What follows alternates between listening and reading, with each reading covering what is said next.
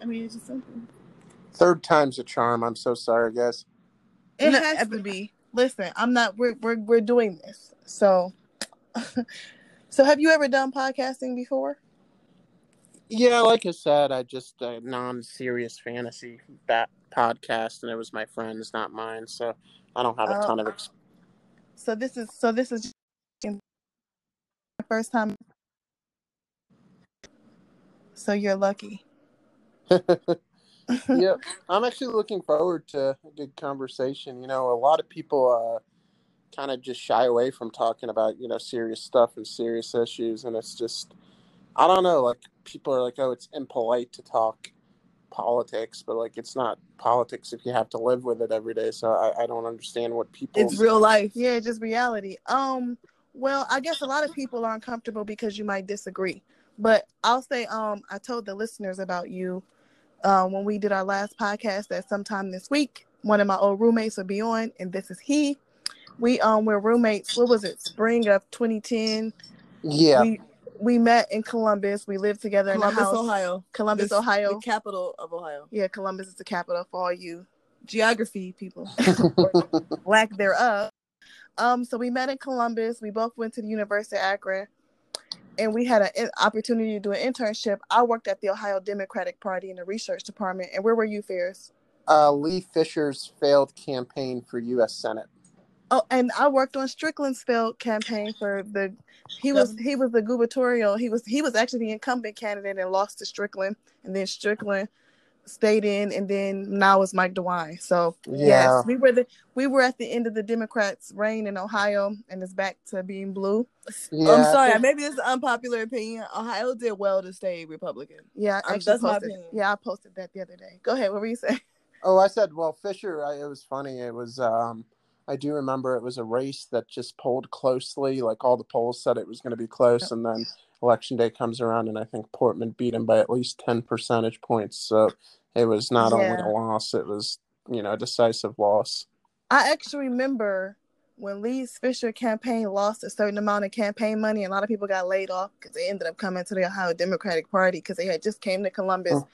Oh, to give everybody a little backstory, a lot of people come to Ohio for different, um, different elections because Ohio is such an important state in the United States as far as elections go. We have elect 21 electoral college votes, so a very important state politically. So the You Democrats want to keep it Democrats, the Republicans want to keep it Republican, right? I mean, Ferris, would you agree?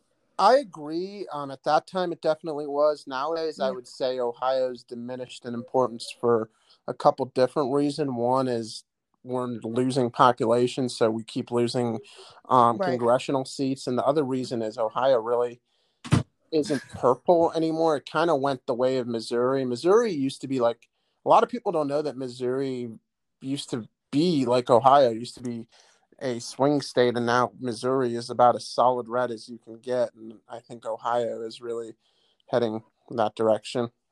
Um, I would agree. I would agree with you. Um, But so no, hold on really quick. So when a lot of people got laid off, because most people don't know this, a lot of people come from out of 2010. This is in 2010. A lot of people come from out of state, and they still do for national election. Come from out of state to work in Ohio, and they just signed leases to their apartments, and they got laid off because political campaigns do keep employment high during election season. Just a little uh-huh. backstory. But do you remember that everybody in your office started getting laid off? I do, and honestly, I don't know why anybody wants to make a career in politics because it doesn't pay well. Your risk of laying, getting laid off is just huge. The hours are terrible, and it's just I, I don't know why anybody honestly would choose that as a career. I remember after that, I'm like, okay, you know, I'm most of the way through a political science degree, but I never ever want to work in politics after that experience. Do you think it's just ego then? Is that what, or people just really want to help? Because my theory is, if people are politicians and they're good people, they won't stay good people long. Like you have to be like a you, know, you have to be a savage cutthroat kind of to stay in power. For sure. you know? I think power corrupts. I think you had a variety of reasons people did that. Some people, I think, were like, you know, true believers. Oh, I believe in this person. I believe in this cause, whatever. Then you had a few people who were like, okay, if this person wins, I'm going to get a great job after it. And I, I think people just went into it for a variety of different reasons. hmm And so w- when you decided that political science was not for you as far as being in politics, what did you end up doing with your degree? Um, I actually added a. I was stupid and I added a second useless major in my junior year of college. I ended up adding history as a second major. I kind of like.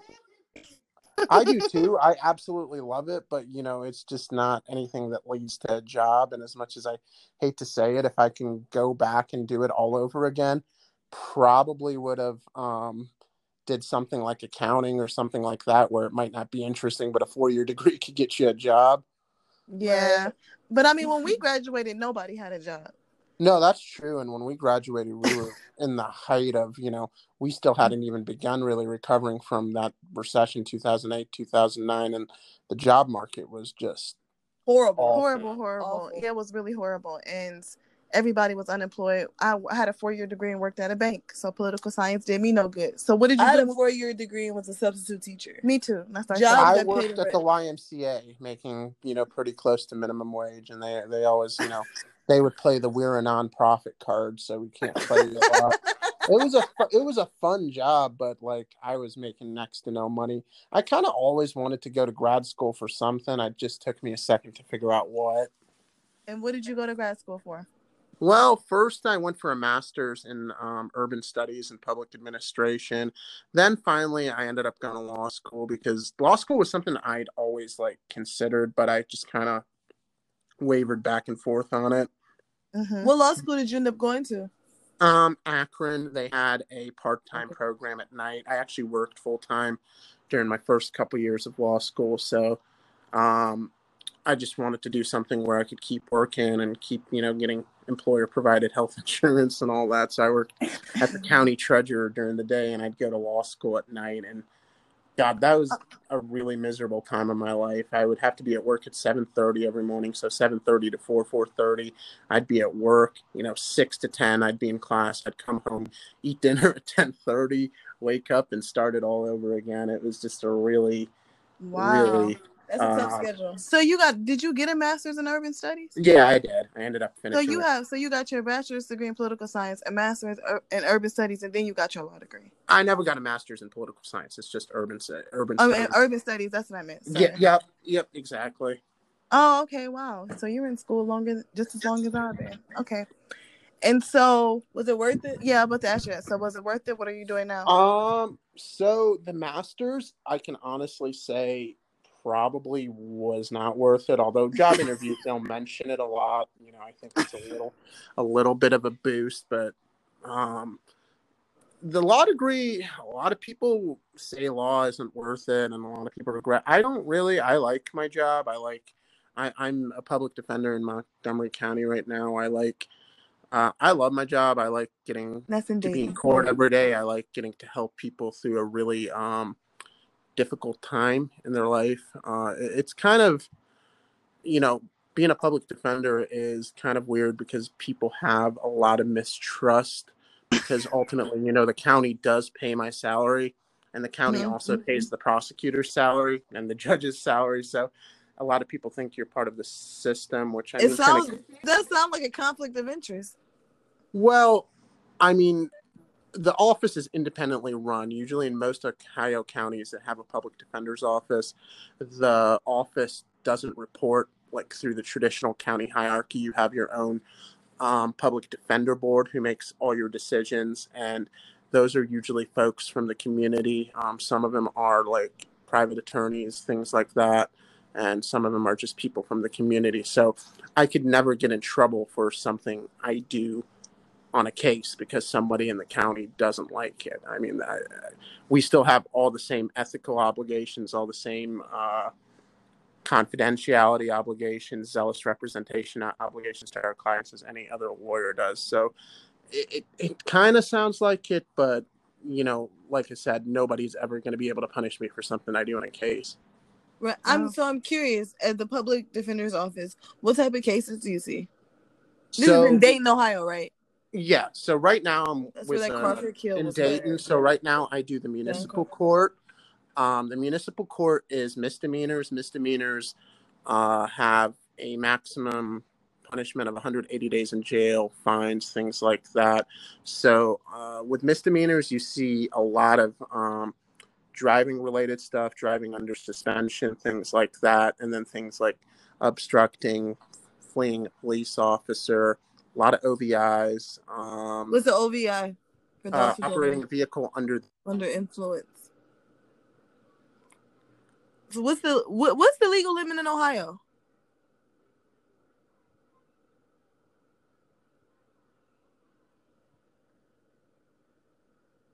I hate that air.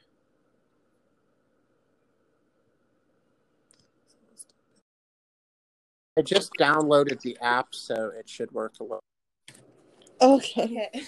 so let's just um pick up where we where we Okay. left off because we're gonna cut and paste some things. So actually, I just want to jump. I just want to give people some background about you to let them know like you're in law school now. I mean, you're a practicing lawyer now, and you went to law school at the University of Akron. Yep. Okay, and so you were saying about misdemeanor that they're punishable up to 180 days in jail, right? Yeah, in in Ohio. In Ohio. Okay. Um.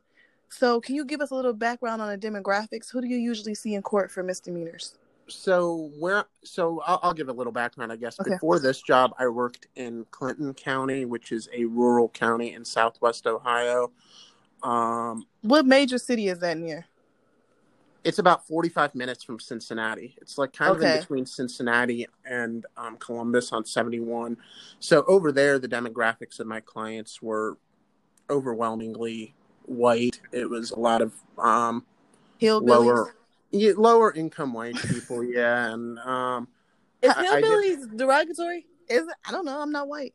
I think I don't know. I I mean, technically, I'm not white either. Uh, I Right. think it's one of those things where, like, if somebody from that background call somebody else a hillbilly, I think they're okay with it. But you know, I, uh, I'm not about to go calling anybody a hillbilly. 'cause, Uh, one that county was everybody and their grandma owned a gun, so I wasn't about. To, Sounds like Ohio. So Ferris, you're not what what what do you classify yourself as? I I mean, Middle Eastern. Uh, I I don't know. Really, it's just it's kind of complicated. Uh, I don't Because really. is Middle Eastern a race or ethnicity? I'm sorry. I'm, I mean, the. Middle East is a pretty big place with a lot of different ethnicities, so it's not Right. really so much an ethnicity. Um, I don't even know because honestly, I don't fully um, fully fit into you know a lot of the people that either live in the Middle East or are recent immigrants culturally, but at the same time, I definitely don't fit into like white culture. So it's just kind of you know the forever in between. Oh, so you're just You're an per- other. You're a person of color. I, I mean, in some cases, uh, I- I mean, definitely don't go through the same stuff a lot of uh, black people do, but at the same time, there are certain situations, you know, at the airport, I'm definitely reminded of my ethnicity, things like that.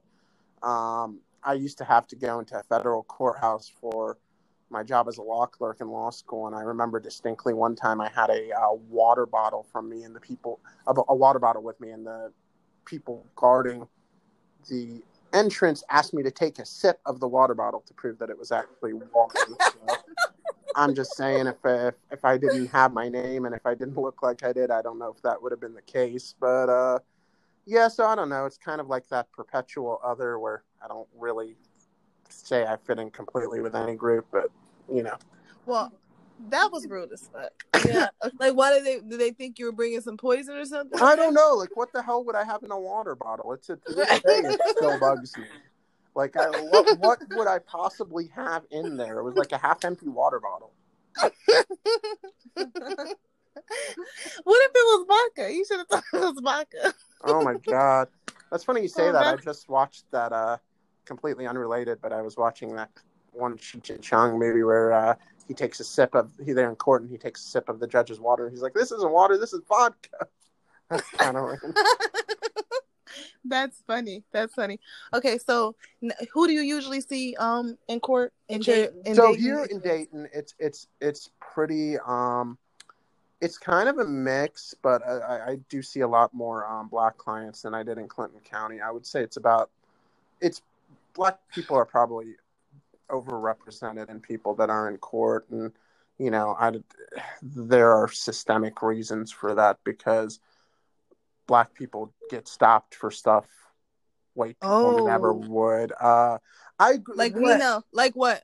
you I'm know what curious really really makes me angry when I see a lot of like these um, drug charges and drug violations. Um, and here, having weed on you is a minor misdemeanor, but people do get stopped. They find weed on them and they charge them. What's crazy is I went to school in a pretty white suburb. It was ninety, something like ninety-eight percent white. It was a very non-diverse area. And I remember in high school, everybody smoked weed. Most people were stupid, had it on them a lot of people did harder stuff and you know those kids weren't getting pulled over all the time so they're not going to court whereas if you live in a certain neighborhood and look a certain way a cop will just stop you on the street expecting to find something on you so it is just super messed up Oh yes. But let's let's put that on pause because we're gonna I'm I'm about to set the scenario. So when you and I both met each other, we were both would we say hardcore Democrats, liberals, right? Because didn't you work on a Democratic candidate? yeah and i would and I, I i did and would consider myself a democrat but i was never one of the people who completely agrees with policy or anything for me they were you know the barely lesser of two evils but yeah i'd say that Yeah, and so I would say I was too because you know I was I was more for inclusion, and it seemed like the Democrats, the liberals, they were all about accepting people. Oh my God, you're black, you're cool with me, you know. So I was like, yes, I want to be with them. Look, And- you know, you're black, you're educated. Yeah, you're black, you're educated, you're gonna be the one high, you know, high five for you, gold star.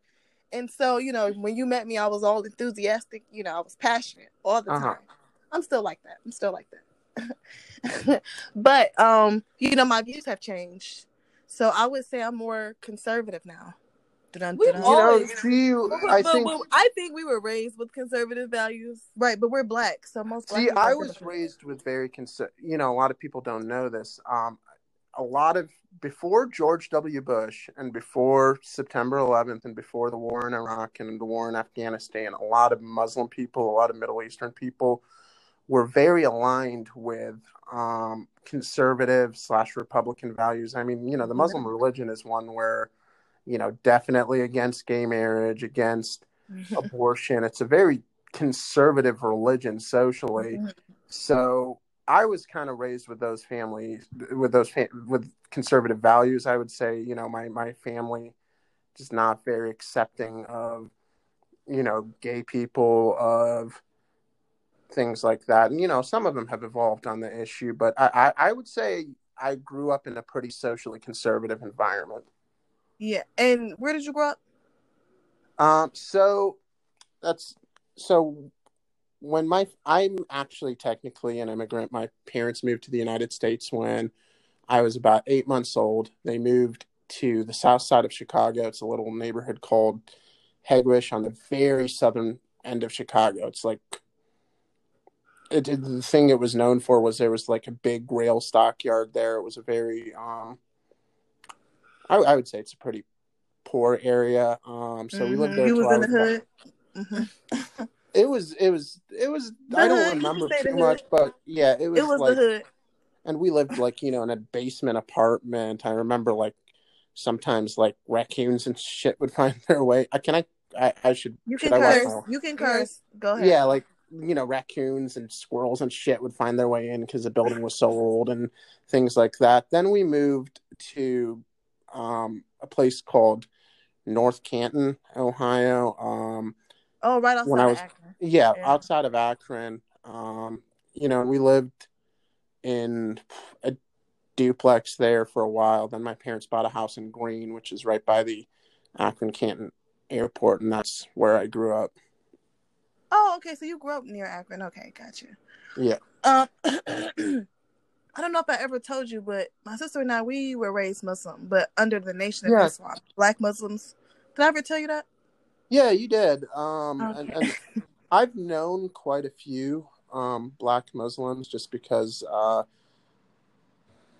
you know, you, you run into people a lot, um, whether it be, I, I met a lot of people from the Nation of Islam and then, you know, black, um, I guess more Orthodox Muslims as well. So, uh, So you know about the teachings of like Malcolm X and Elijah Muhammad. And... Yeah, I mean, I remember the first uh, first real biography I ever read in my life was um, the autobiography of Malcolm X. So he he's actually somebody that I've um, kind of idolized for a while. Um, and then you know Muhammad Ali was a big hero to me growing up as well. So yeah, okay, so definitely, so you definitely know some of the historic figures. Okay, so Yeah. how this is Catherine talking, by the way. So how has your views? Because recently, Catrice and I have been looking t- more toward the conservative ticket because both of us are consider we're considering our options for the next election. I personally am saying right now, I feel like I don't want to vote. Like, just I want a political silent protest because we need we need a black economic agenda specifically, but we need a black agenda. But I want to highlight the economic piece, reparations. I'm completely you know- torn. I'm very Right, wait a minute, torn. and that's hold on, that's where we are now. Because then it's also um, Angela Stanton King is a new kind of. She was a Trump supporter prior to her running for con- um Congress in. I'm sorry, Georgia. Is she running for Congress or Senate? Congress. I forgot that quick. And she brought up some interesting points to really get me to think more like voting because I've always had, like you said, we grew up with conservative values. So I feel like Joe Biden is a racist piece of shit, and Trump is a racist. At least he's honest. At least he's honest. Like he's a wolf in sheep's clothes type. You know, Joe Biden is a wolf in sheep's clothes, and Trump is a wolf. You see him coming. You know what to expect. You know what I mean? In that way. Okay. you know, what- explain how you're torn. you know, I agree with you. I think um, it's just amazing to me that the Democratic Party was. There are so many people of color that are starting to come through, and they're not like in the party's leadership. The party has fought them at every turn. You know, you see people like um, Ayanna Pressley, people like Rashida, uh, excuse me, Rashida uh, Tlaib, uh, even people like you know AOC, who a lot of conservatives don't like very much. People of color, people from working class backgrounds, and they're kind of being sidelined by the Democratic Party. They're being attacked by Democrats almost as much as they're getting attacked by Republicans. Right. So, and then, you know, and, then the, and then the Democrats that are not being attacked are just kissing ass, basically. Or they're like political talking heads, especially the radio the radio personalities included, not even just the poli- politicians. So Yeah, and it, it's just so when they nominate, you know, a 70 some year old white guy with a really checkered past on race, it's just like you're not really um, reading the room at all. You're not reading the moment. This is should have been a moment for um,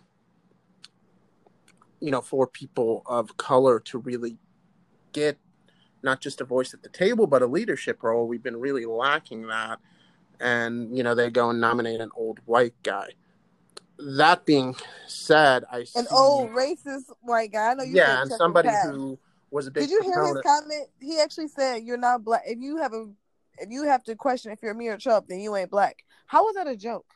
yeah, that's not something that he is in a position to say at Why? Because he's Oh. white.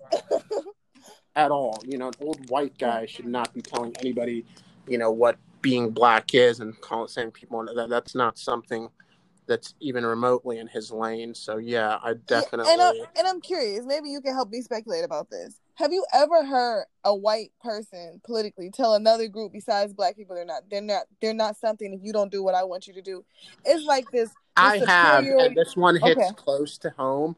I've seen a lot of politicians say that any Jewish person who doesn't completely support anything Israel does isn't really Jewish, and I hate that as a Palestinian. Um, as a Right. So wait a minute. Jewish people say that to other Jewish people.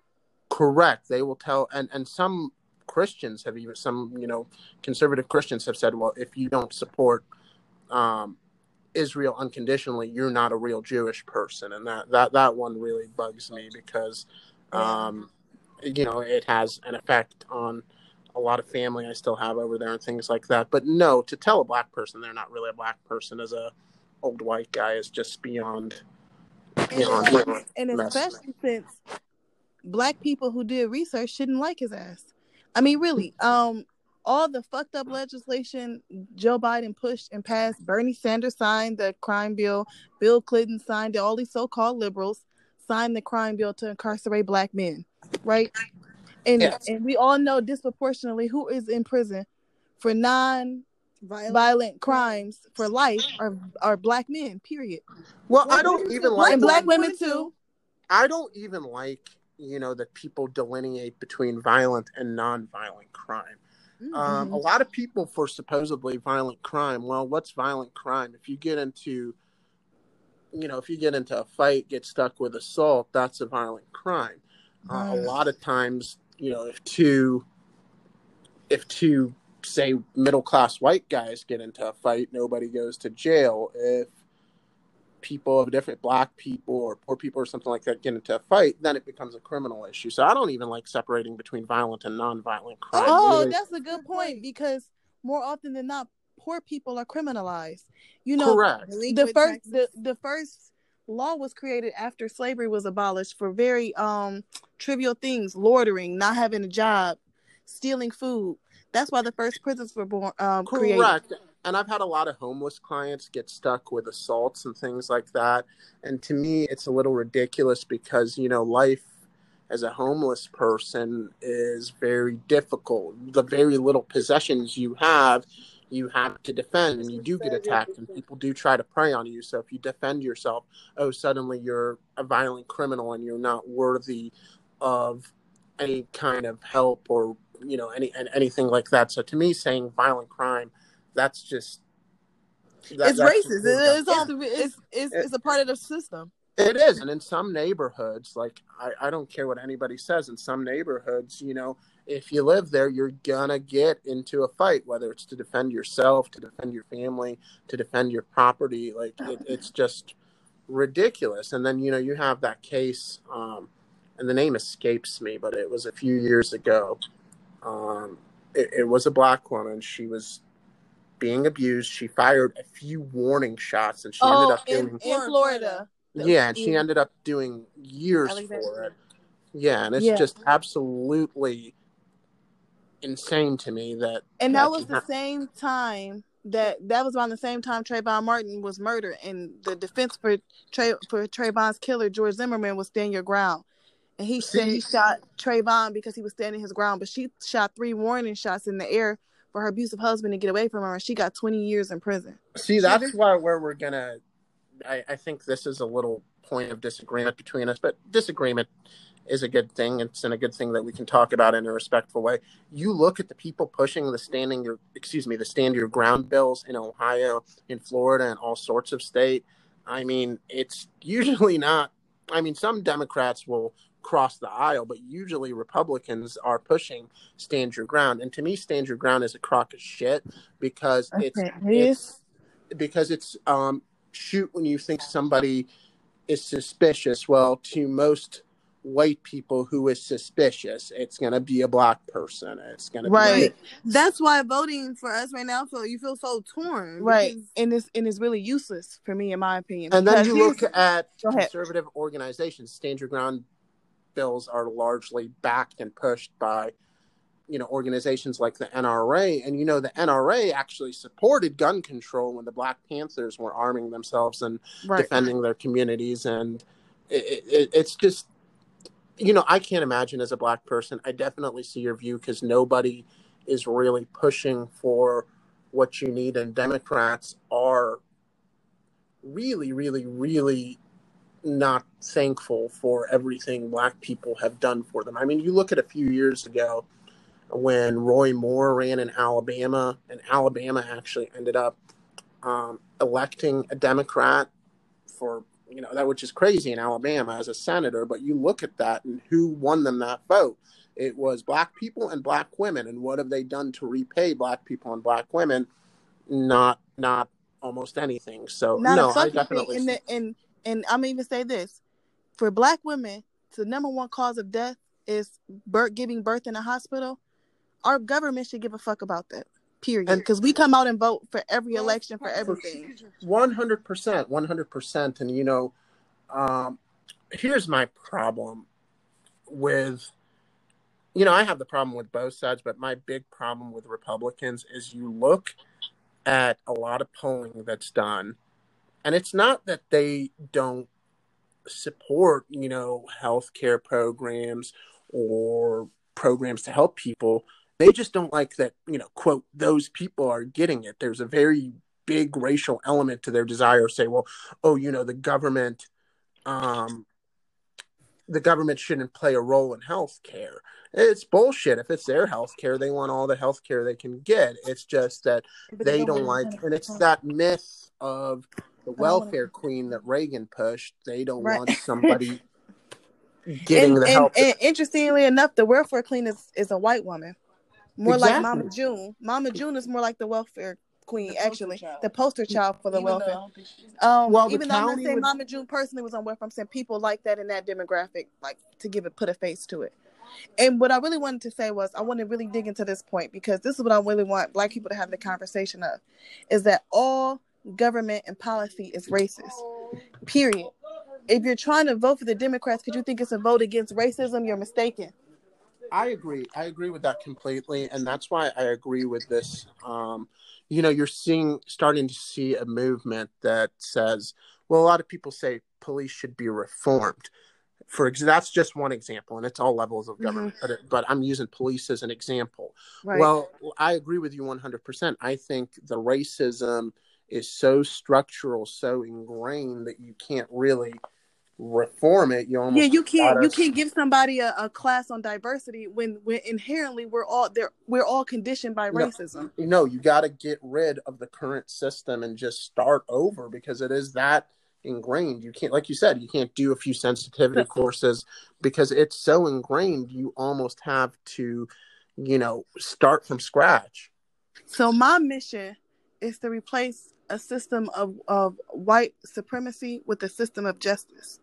And this is my plan. This is why I want to join the podcast. My plan is to take it to the world court and sue the government for inhumane treatment of African people in the United States. Um, you know, I think that it, if we had a functioning system and if we had a country that actually cared, I think that would definitely work. Unfortunately, you know, we ignore kind of international law completely when it comes, you know, I think Trump just said, and presidents before him, even Obama and other presidents have said, you know, any ruling on somebody from the United States, because they've tried to try charge people with war crimes and things like that in the world court. Any ruling against an American, we won't help enforce that. We won't even acknowledge that. And I, I but what I if the ruling is against our government? I mean, who's going to enforce that? There, nobody's going to invade America, send peacekeepers, and force us to obey it. And our government sure as fuck isn't going to let an international body do something like that. We've ignored the World Court for years. Um, I, I, think if we respected the rule of law and if we actually were interested as a nation in self accountability and fixing the issues, definitely. But I don't think. I, I don't, so, so you don't think going to the war court is an option?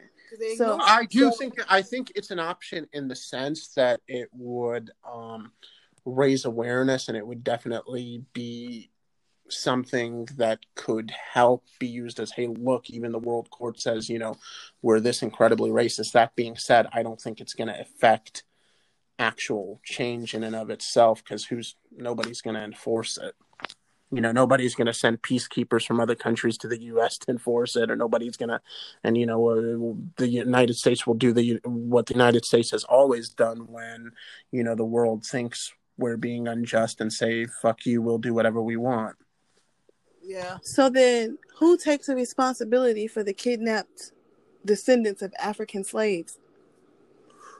I, I see. I, I I think that should definitely be I don't know why we have not had any. Well, I know why because you know there's racism in every level of our system, and there's a lot of racists in this country. But there's been no real serious discussion on reparations and things like that. Uh, that that's a good question. Somebody needs to take responsibility, but unfortunately, nobody is willing to. Okay, so let's talk about.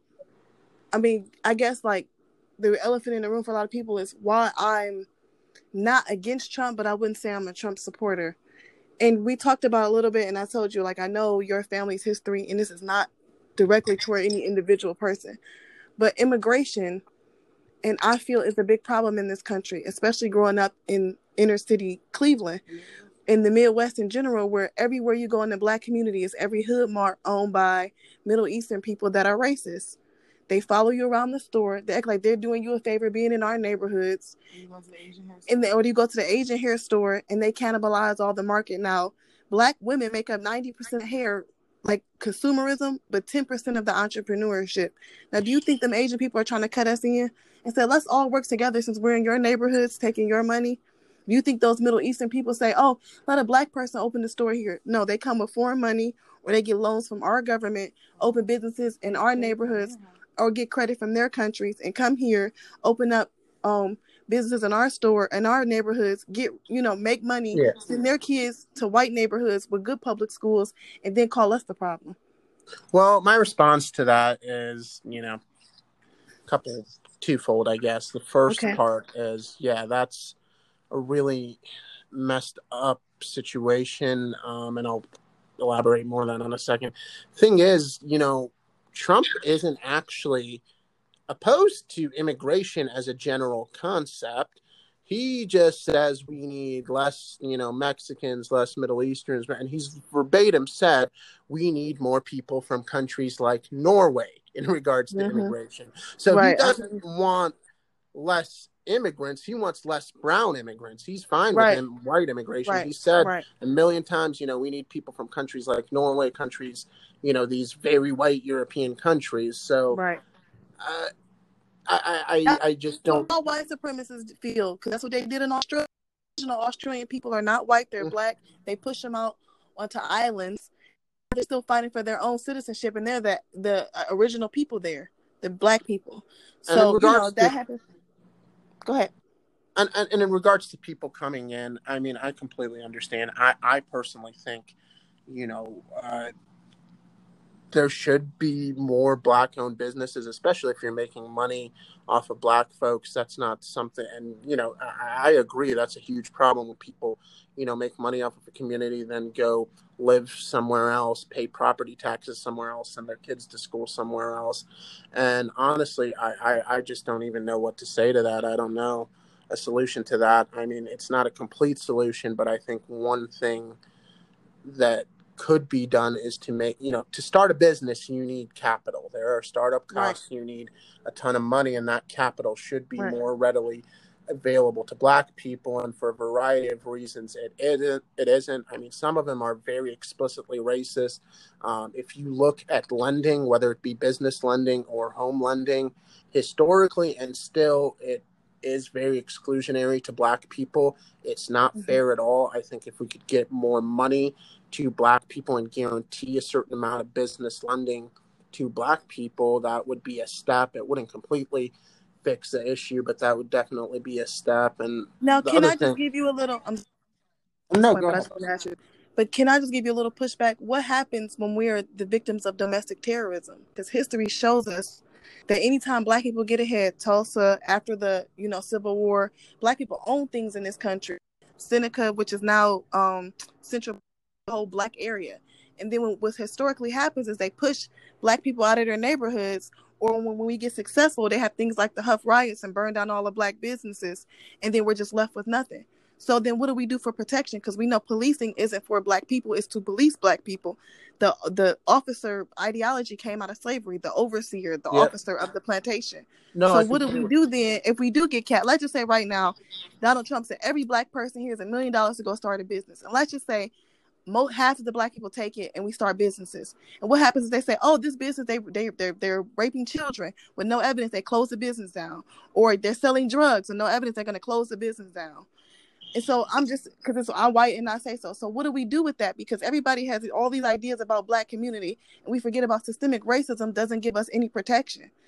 I mean, you're 100% right, and I don't think there is a solution to that. I mean, I'm for one one thing, and again, it isn't a complete solution. Nothing of th- this racism is so ingrained, and it's because such a big part of our country and and our culture that there isn't, you know, unfortunately, one thing that can fix it all. But I think a big part of it is, I, I'm all for. I, I I think if you know black people started, you know, owning weapons and doing things like that at the rate white people did, I, I mean, we would get thing- killed by the police I, even I more. agree. It would meet with pushback, but at least it would expose the hypocrisy of these people who say, "Oh, we believe in the Second Amendment." Let's see how many of these rednecks believe in the Second Amendment. When Well, we know Ohio's an open carry state, and where did Tamir Rice get murdered for having a That- toy gun?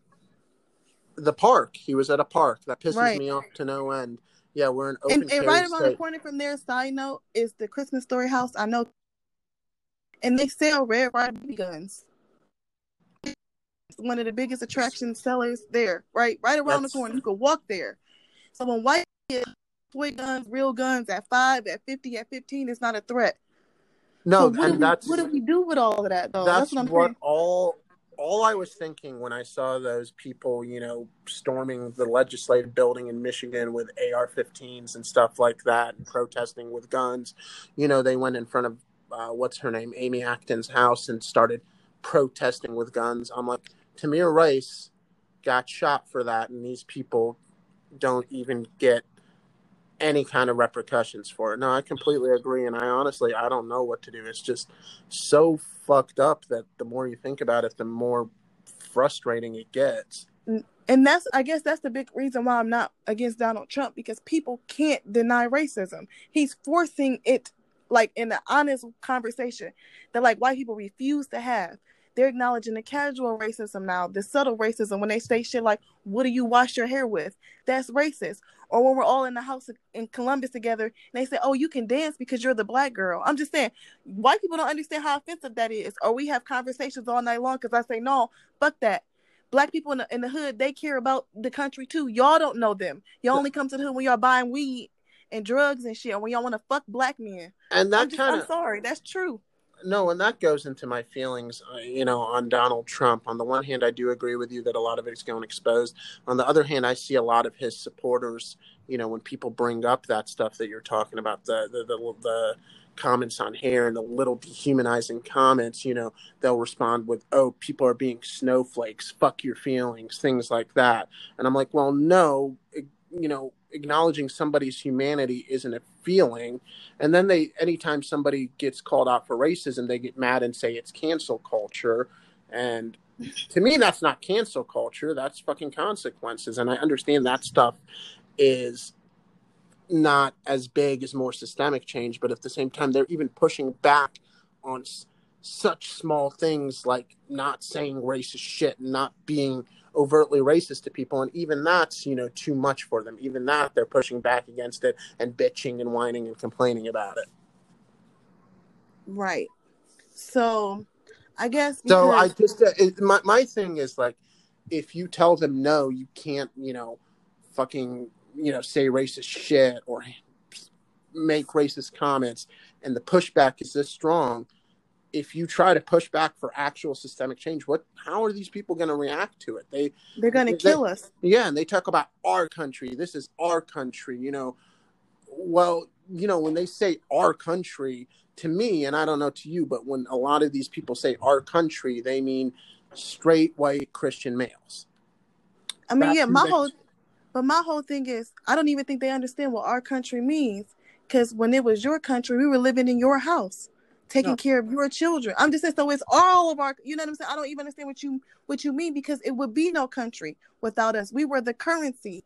Correct. we're the reason that the united states could be a world power and that and that you all have capitalism. We were the capital. Human black african flesh was the currency. So when they say our country it's like and, and they want to say and they agree with you it's single i mean it's heterosexual white christian males. That's who they're talking about. At the same time i know that they're they're they're grossly misinformed because when you bring it to their attention they almost want to break down and, and fight you But look at the way stuff is taught. I mean, it's crazy to me the way we teach history in this country, and I can go Well, on this for yeah well i mean you look, that's because the truth in history could they really keep teaching white supremacy because everybody would have to admit that they can't they can Well, do you remember when we were in school? So I was in, you know, I would say I was a fifth grader in about 2000. And the way they Mhm. taught um, Jim Crow was like it was something in the distant past.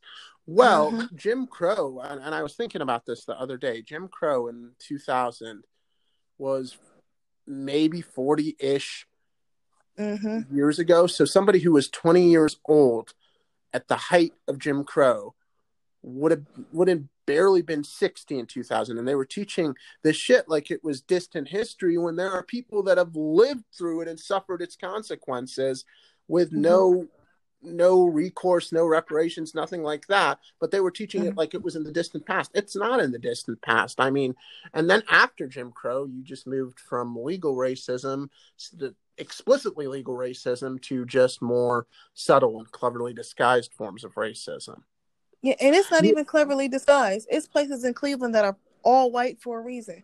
Because in the 60s and 70s, white people had guns and they stood outside and said, niggas, you're not welcome. So you think in the 90s and early 2000s, niggas went there? No. I'm just You saying, know- it's, it's yeah. the same shit. It's the same shit. and you know what bugs me Uh, here's the thing here's why i could never ever support republicans and this is something again we disagree on but do you, do you know who lee atwater is I know. He was a political consultant. He worked for nixon. He worked for reagan. He was huge in um republican politics for a very Yeah, long he time. he helped privatize the government. yeah and he has a Yes, Well- yes, yes, yes. well he yes. has this quote and i'm gonna read this quote because i don't want to mangle it because i think this quote is that Go fucked up. He said Okay. you start in 1954 by saying you know n-word n-word n-word by 1968 you can't say the n-word that hurts you backfires so you say stuff like forced busing states rights and all that stuff and you're getting so abstract now you're talking about cutting taxes and all these things you're talking about totally economic things and a byproduct of them is blacks get hurt worse than whites. We want to cut this is much more abstract than even the busing thing, and a hell of a more abstract than N word, N word. And I think that's really been just the strategies ever since, and it just and, and the Democrats haven't done shit, so that's not to absolve or excuse Democrats, but that's just why I can never ever support the Republican Party. Yep. So where does that leave us? I don't know. I, I think the two party system is fucked is fucked and it's designed to be exclusionary by its design. Um, you know, I'm not saying, you know, black people or minorities should make their own um political party, but at the same time, at a real mo- Why no, not? no, no. I, I'm Why sorry. not, I. I'll- I think they. Sh- I think in a multi-party system, if we didn't have this stupid two-party system, black people Mhm. could gain a lot more power by doing that. But at the same time, because we have a two-party system, that's designed to make sure you know black people and other groups can't do that and get more power. I'm Gotcha. sorry. I should have rephrased. I phrased that poorly. Um, well, I think Farrakhan, if he ran for Do you know who Farrakhan is? Yeah, Louis Farrakhan. I, I, I've I've read a lot of what he said. Uh, I I agree with a lot of what he says. My only thing is, you know, when he says, Go ahead. Jewish I know what you're about to say. Yeah, the Jewish people what stuff. you- That's not helpful. Um, I'm gonna say this. I'm gonna say this, and you know that I wouldn't say this unless I really had the facts to back it up. But Minister Louis Farrakhan and Nation of Islam is are not anti-Semitic. We have to stop listening to the media, okay? And they take a lot of things he said out of context. And so I just want to really clear that because I'm really glad you brought that up. Because um, I don't know if you know this, but he's went to Israel several several times and studied with um the Israelites and Jewish people and, and, and all over the world. I just want to say that. and I really want to put in the context.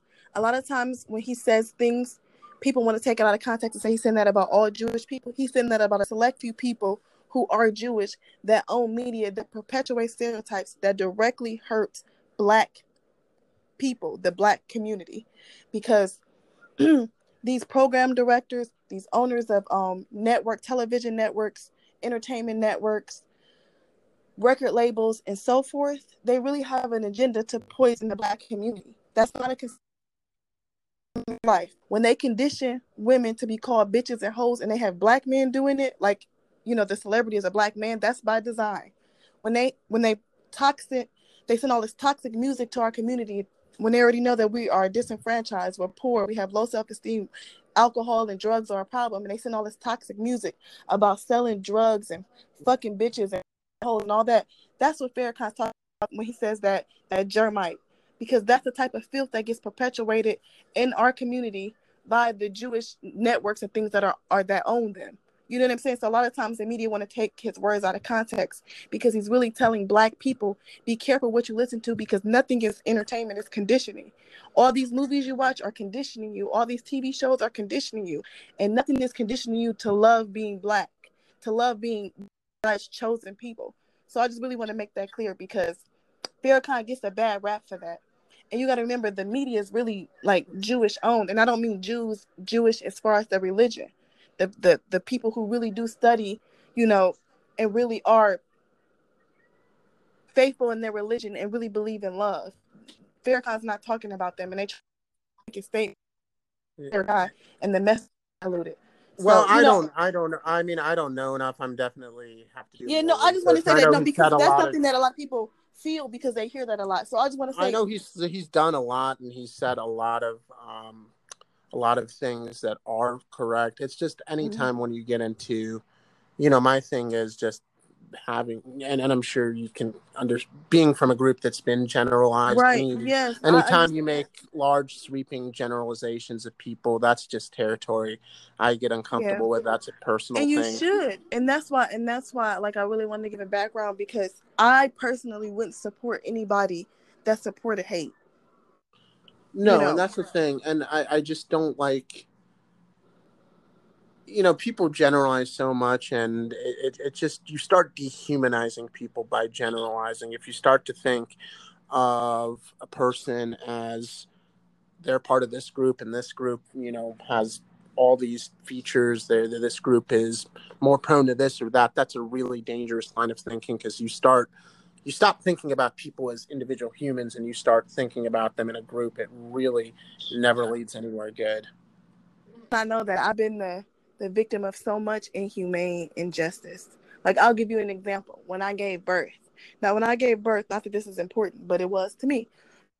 No, that's very important. I mean, that's yeah. such a big, yeah. When I gave birth, I was a married black woman and I came to the hospital they called my husband my baby daddy, the nurse who was actually helping me deliver my baby. Jesus um, Christ. They kept asking me, you know, why I didn't um come back and get my final checkups and this and that, and how could I be so irresponsible? And then the day, the two days before then, now mind you, I went to I went into labor on my actual 30th birthday, but the day before then, I had a doctor's appointment, and they wanted me to go to the OBGYN ward at a hospital, and they were taking like five hours. Like I'm waiting there for two and a half hours. So mm-hmm. I left and went home. And then when I came back the next day, I went they put me into labor because my blood pressure was really high. And they were so nasty to me. Like basically like you little stupid little ignorant black bitch, you could kill your baby. Like that was the sentiment. And like you should come and you should listen to us and we know it. We know what's best for you. Jesus. And just all these preconceived notions. And by the end of the hospital, like by the time that I got out of hospital, like five days later, I, I left my daughter there with my mother because I had to leave because I felt like I was going to, going to die. When they my daughter out of me, they left me on the operating table for three and a half hours open because they they gave me an emergency C-section and they thought they left something in my body. They couldn't find a person and give me um an X-ray. She kept going to the wrong room and all these things, right? And so with the with the government will tell you to do is now the Democrats are saying it too. You need to advocate for yourself, right? How can you no. advocate for yourself high on drugs while you're giving birth? No, you know, you're that vulnerable. And, and no, yeah. And, yeah, and just know that I did. And I told them, if you all kill me on my birthday, when I'm giving birth, everybody in my family will hunt you down because you got the right nigga. Okay, we don't play this shit. I'm not a slave. You would not treat me like I'm not a human. And you know, it became a whole big thing because unfortunately, you know, I'm I've never been seen as human. That's so which is, fucked up. Which is really sad. Yeah, I, it is. I mean, it's amazing how much racism is in our health system. It's not nearly well, on I the mean, same level, but last systematic.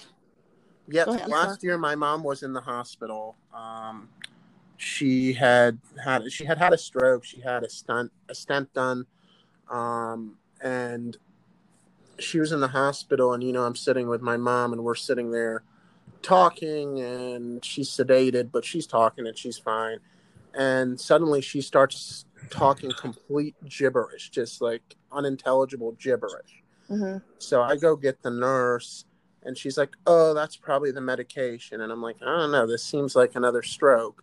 So she goes back. She's like, "It's medication. Give it a minute." She comes back and she's like, "Well, she's probably talking another language." And my mom, you know, a lot of my family members were there. They wear the veil. We obviously look foreign, and they were talking to her mm-hmm. in Arabic. And I'm like, "No, she's not talking another language." She's like, "Well, I think she's talking another language." And I'm like, "What the fuck?" I would know. Like we we know the same languages. I would know, right. but because she's she's like, well, so she's she's talking another language. Maybe her English isn't that. And I'm like, okay. And yeah, she had another stroke, and they ignored it for how many hours because I was dealing with, you know, the most ignorant fucking nurse on earth. Yeah, I mean, and and why do we deserve this? It's, I mean, because who is this bitch? Because she got her degree for some shit. Like, why do white people really believe that they're superior? I don't understand that. Y'all you don't know, get grades than us. And I don't get that at all. And I think, um, I think a lot of them, you see a lot of people, they haven't accomplished jack shit in life, and they just want to feel special because they're white. And I think, you know, that's a lot of people. That's what it boils down to and you know i never say all people about any group of people it's it's just mm-hmm. i'm saying my experience with certain people is that they want like special treatment they demand special treatment because they are white and i think there are a lot of people there's kind of a movement in this country and um, this is going to get i hope this makes sense but i see a lot of people that voted for Donald Trump. And a lot of people, including a lot of Democrats, tried to say that, oh, these people are economically anxious. They are worried about their economic state in life. They've been ignored, blah, blah, blah, which to say a white person has been ignored in vo- politics is insane to me, but that's neither here nor there. but, but they say these people think Trump was going to you know fix it so they're the one you know they're not so economically disadvantaged blah blah blah no, I think those people are smarter than that. I think deep down, those people knew that Trump wasn't going to come around, flip a button, automatically making it where they were making, you know, $200,000 a year and didn't worry about money. What they want to go back to, and the reason they long for the good old days, and to me, this is the again in Make America Great Again, is they want to go back to the day where even the poorest, mm-hmm. most uneducated, worst off white person was still ahead of every single black and brown person mm-hmm. just because they were white. That's what they want. They want to go back to. They want to go back to the days, and you, there still is white privilege. So I don't know why they don't think they have it, but they want to go back to the days where being white automatically, you know, meant in the eyes of the government and in the eyes of every institution that you're better than any black or brown person. And I think that's the time in America they long for, and that's what they want to go back to. Yeah, well, they are crazy and it, it's it's just like I said, they haven't done anything with their life, and um, they just want to get cookies. You know, metaphorically speaking, just for being white, they want to feel special for being white. It's just, yeah. So, um, this is Katherine talking again. Speak. I, I have a question for you. Mm-hmm. So, if you hypothetically were in my position, who would you vote for? Or would you just not vote until you had a black agenda? So it was an agenda especially designed. The first thing we had to conquer is economics. And then, well, I would say protection, because whatever we create, we have to have it protected and respected. And then we no, need an economic yeah. plan. So, mm-hmm. with that being said, what would you do with with your political voice? Because I'm thinking we're thinking political silence is part of it. You know, it worked in Gandhi. Um, you know, I kind of, if I was in your position, and I can't put myself in your position because I haven't right. experienced, you know, the things you've experienced, but just based off of what I've heard from you guys and, you know, some of the other black people, I'd probably say I'd be so frustrated and angry that I'd probably say fuck it all too, to be honest with you. Yeah. Um, and that the only thing I don't like, it, it's just with the political silence, the only thing is, you know, silence could work, but it could also backfire. And they could say, well, if we don't, if we have to disregard the black vote, like fuck it, we'll just get even more racist. I, I don't know how that's possible, but um, I mean, what what's the worst that can happen? I can be a slut. You know, what's the worst that can happen? But I agree with you. I wish we had a multi-party system. I wish, you know, there was a black party. I wish there was a party that looked ex- out exclusively for the interests of black people and i wish right. even our so-called organizations like the NAACP, those were founded I mean, black people were on the founding board, but it was founded by white people. Most of the historically black colleges are named after white people. Spelman, white person, Wilberforce. You know, you can go through the list. Like a lot of the stuff that's supposed to, and um, W. E. Du, e. B. Du Bois, who helped start the NAACP, believed in eugenics. He subscribes to that way of thinking. Like, uh, there's certain people shouldn't procreate, which is problematic. So, you know, like, we, we even like, okay, the Jewish law defense, right? The JDL, the Jewish. Mm-hmm. Did I say that right? Um, Jewish Defense League or whatever. I am sorry, Jewish Defense League. There, I, I couldn't imagine um someone non-Jewish being on that board. You know what I mean? Completely I agree. I completely but, agree. But but our shit, if if if, if it's not some white people or you know it, it's too black, we can't even have black show a black cast on a show without them calling it a black something. You know no, I mean? And that's and the craziest thing to me on kind of that note is like where you see a show like set in Chicago or New York City or something or LA and you don't see like a single black person and it's just like okay like you're in cities that like you said earlier were literally built by black people and you're you're pretending like black people don't exist in that universe right but if you see a black show we have to at least know some white people even if they're semi minor characters. They're really recurring. It's not like if you ever watched the Rugrats growing up, Susie Carmichael was a black family that they only used to talk talk about Kwanzaa or to. She was more like a recurring role. She wasn't like um she wasn't a fixture in the characters like the rest of the kids. I mean, you knew about her, but she you, you expect you didn't expect to see her in every episode. No. And black shows a lot of times too were like not on like the big networks like ABC or anything. Like you know UPN had a few, and then there was. I remember when I was little, that network doesn't to, exist anymore. The UPN network no. doesn't exist. We used to watch um my brothers and I used to watch the Wayans brothers a lot, and I love them. I love them too, and rest in peace, John Witherspoon. He's one of the funniest people to ever walk this yeah, he's earth. from Detroit. He he's actually not related to the Pops. He's from Detroit, yeah. Michigan. So. He was really good on that show, though, where he was just. But anyway, I, am sorry, I'm getting sidetracked. No, yeah, no, no. It's like, okay to love black culture. Because no, you, you understand. The, you understand they were the right. They, mm-hmm. The Wayans brothers created a, most of their own content. Like my wife and kids, the old the Damon Wayans did that show. Keenen Ivory Wayans did Living Color. They wrote, created, produced their own content. Most and of their you don't films see that anymore. You don't at all. Yeah. And it, it's just and like you said, that goes back to, you know, the power structures. You know, if you had it's not like you said it's not just having like black actors or black directors you need like black media companies black distribution right. companies and black please, and please hear me when i say this because it's no way meant to sound anti-semitic in any way but if we hold the jewish accountable for the filth that they're putting out in American culture. For instance, the music, the film, the television, because those those have bigger influence than our politicians ever will. If we somehow hold them responsible, I feel like we automatically get labeled anti-Semitic because the music labels who pay for this. Because okay, let's look at the artists. Right, most of these artists are even even if you look at the white artists like Aaron Carter from the and the Backstreet Boys, his brother is Nick Carter. They came from like poor honey boo boo type circumstances, right? Yeah. yeah. So the uh-huh. record labels actually find disenfranchised people to be whatever they want them to be, these puppets or whatever, right? To sign them to this contract to make filth. So if they don't want and somehow better their lives and the lives of their family, they'll just find somebody else to do it who will be so happy to have this opportunity. It's basically the argument we're getting, right? So we say, guys, like if we were at war and we said, please stop funding the people who are giving with the weapons, please, because United States oftentimes we get letters like that. Please mm. to the Al Qaeda or whoever, right? Because we're in war and they're killing people with them.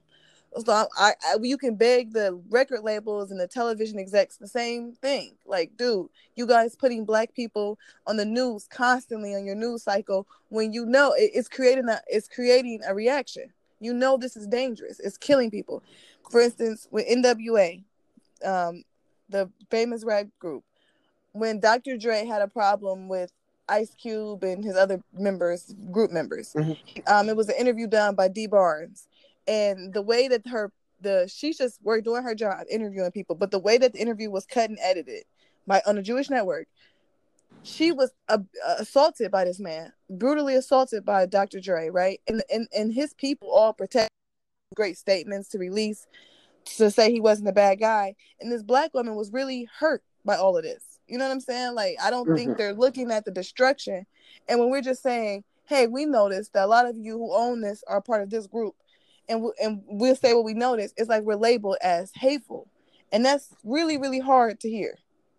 Well, no, I completely understand. And I don't know, you know, the ethnicity or religion of the leaders of the record labels. And I, okay, but you know, look, sure, look into sure look at your favorite record whoever, labels. Own, no, whoever owns them, regardless of race or religion, I agree with you. They should be more selective. Um, like I said, I, I don't know if that's just limited to one group. I'm not.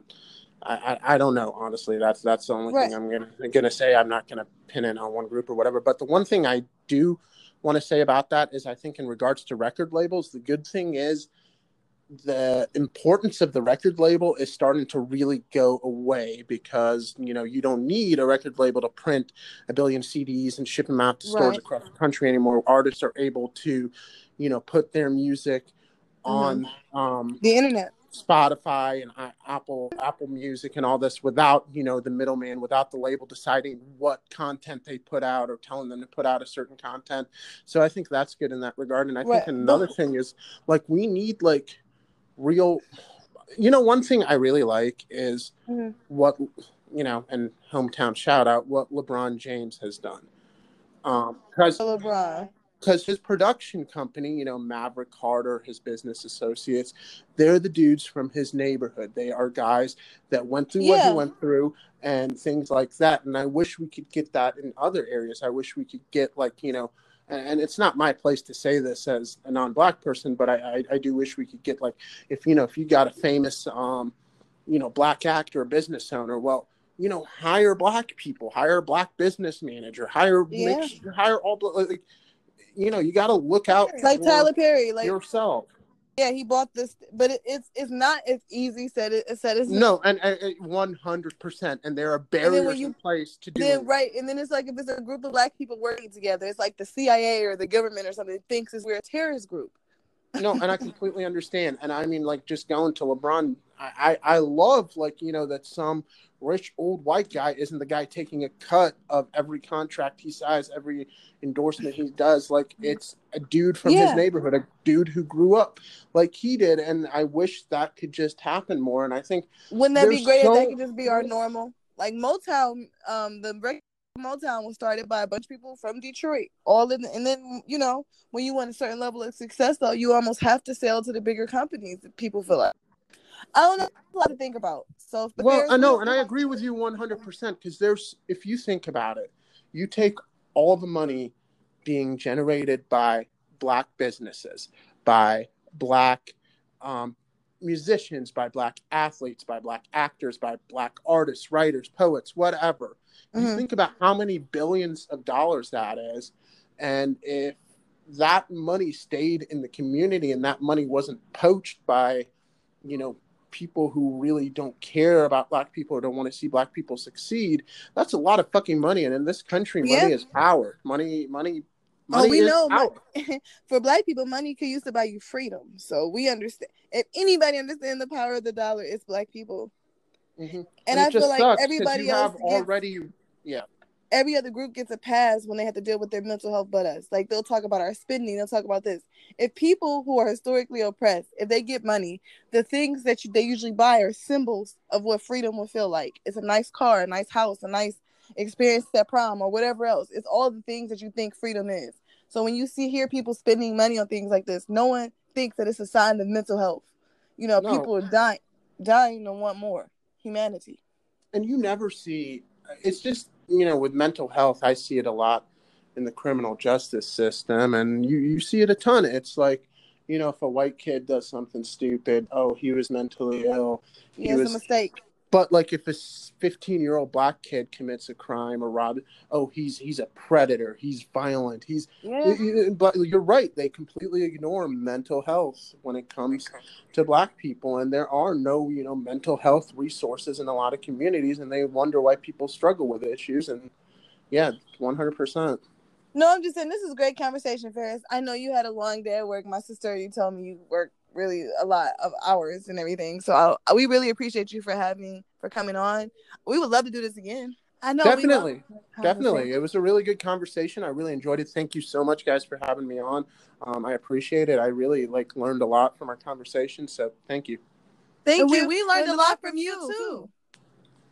Thank you. I appreciate it. And I, We I'm always down for a good conversation. I'm always down for a good conversation. So thanks again for having me.